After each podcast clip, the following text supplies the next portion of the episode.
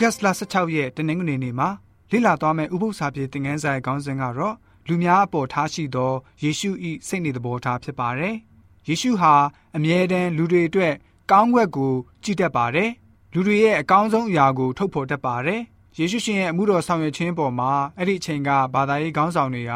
ဒီလူဟာဆိုရင်စိုးတဲ့လူတွေကိုလက်ခံပြီးတော့သူတို့နဲ့အတူ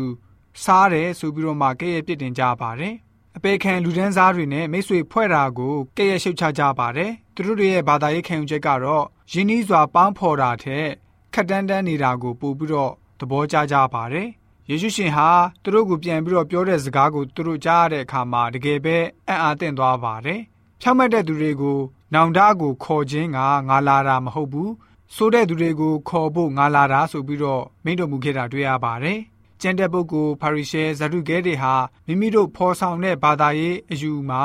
ရှောင်တင်တာကိုရှောင်ဖို့သဘောပေါက်ကြပါတယ်။သူတို့ရဲ့အထင်မှာကတော့အပြစ်နဲ့ပတ်သက်သမျှအရာအလုံးစုံကိုရှောင်ရှားရမယ်လို့ခံယူထားကြပါတယ်။ဒါပေမဲ့ယေရှုရှင်ရဲ့တုန်သင်ချက်နဲ့သူတို့တွေရဲ့တုန်သင်ချက်ဟာလုံးဝမတူကွဲပြားခြားနားနေပါတယ်။ယေရှုရှင်ဟာမွေဆိုးတွင်းသမျှအန္တရာယ်ကြီးတဲ့ဒီကဘာကိုဆင်းသက်ပြီးတော့မှ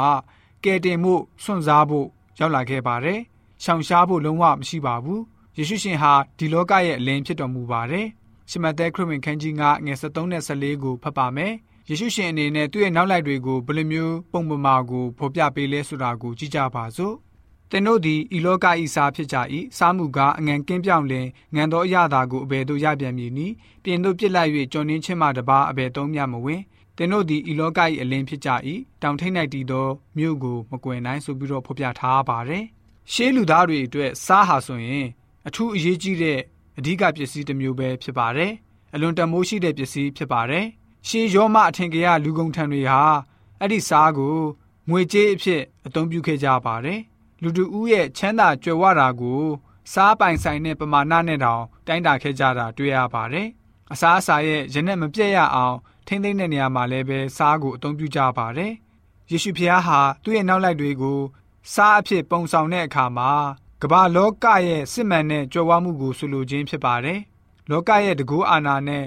အကြွယ်ဝဆုံးသောငွေကြေးချမ်းသာကိုဆိုလိုတာမဟုတ်ပါဘူး။လောကရဲ့အစစ်အမှန်ချမ်းသာသူကတော့စက္ကပ်အသက်ရှင်တဲ့ခရိယန်ကိုဆိုလိုတာပဲဖြစ်ပါတယ်။သူတို့တွေဟာလောကီနိုင်ငံကိုရှာဖွေခြင်းမပြုဘဲနဲ့ဖျားသခင်ရဲ့ထရနိုင်ငံတော်ကိုရှာမိတဲ့သူတွေပဲဖြစ်ပါတယ်။သူတို့ရဲ့ချစ်ဖွယ်ကောင်းတဲ့အမှုရာကနေတကူကောင်းစိတ်မမွေးခြင်းမျိုးကို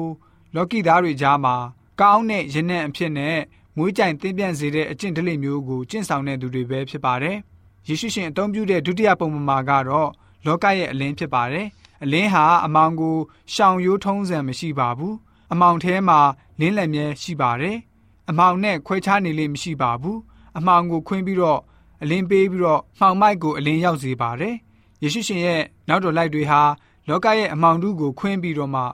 အလင်းဆောင်ပြီးတော့အိမ်ကြီးချင်း ရွာသူရွာသားချင်းမြို့သူမြို့သားအချင်းချင်းမြို့ပြကြီးတွေမှာဖျားရှင်ဘုန်းတော်ကိုထွန်းလင်းစေဖို့ပဲဖြစ်ပါတယ်။ရှင်ခရစ်ခန်းကြီး19ငွေ15နေ18ကိုဖတ်ပါမယ်။အဲ့ဒီထဲမှာလောကနဲ့တိချားစွာနေရမယ်ဆိုတဲ့အရာဟာဘယ်လိုမျိုးနားလည်သဘောပေါက်လဲဆိုတာကိုကြည့်ကြပါစို့။အဲ့ဒီထဲမှာလောကနဲ့တိချားစွာနေရမယ်ဆိုတဲ့ဖော်ပြချက်ကဘာကိုဆိုလိုတယ်လဲဆိုတာကိုကြည့်ကြပါစို့။ဤသူတို့ကိုဤလောကမှနှှက်ယူတော်မူမည်အကြောင်းအကျွန်ုပ်တောင်းသည်မဟုတ်ပါ။ မကောင်းသောအမှုအရာနှင့်ကင်းလွတ်စေခြင်းကဆောင်မတော်မူမည်အကြောင်းကိုသာတောင်းပါ၏အကျွန်ုပ်တို့သည်ဤလောကနှင့်မဆက်ဆံတကဲ့သို့ဤသူတို့သည်မဆက်ဆံကြပါကိုတော်ဤတမန်တရားအဖြစ်သူတို့ကိုတန်ရှင်းစေတော်မူပါ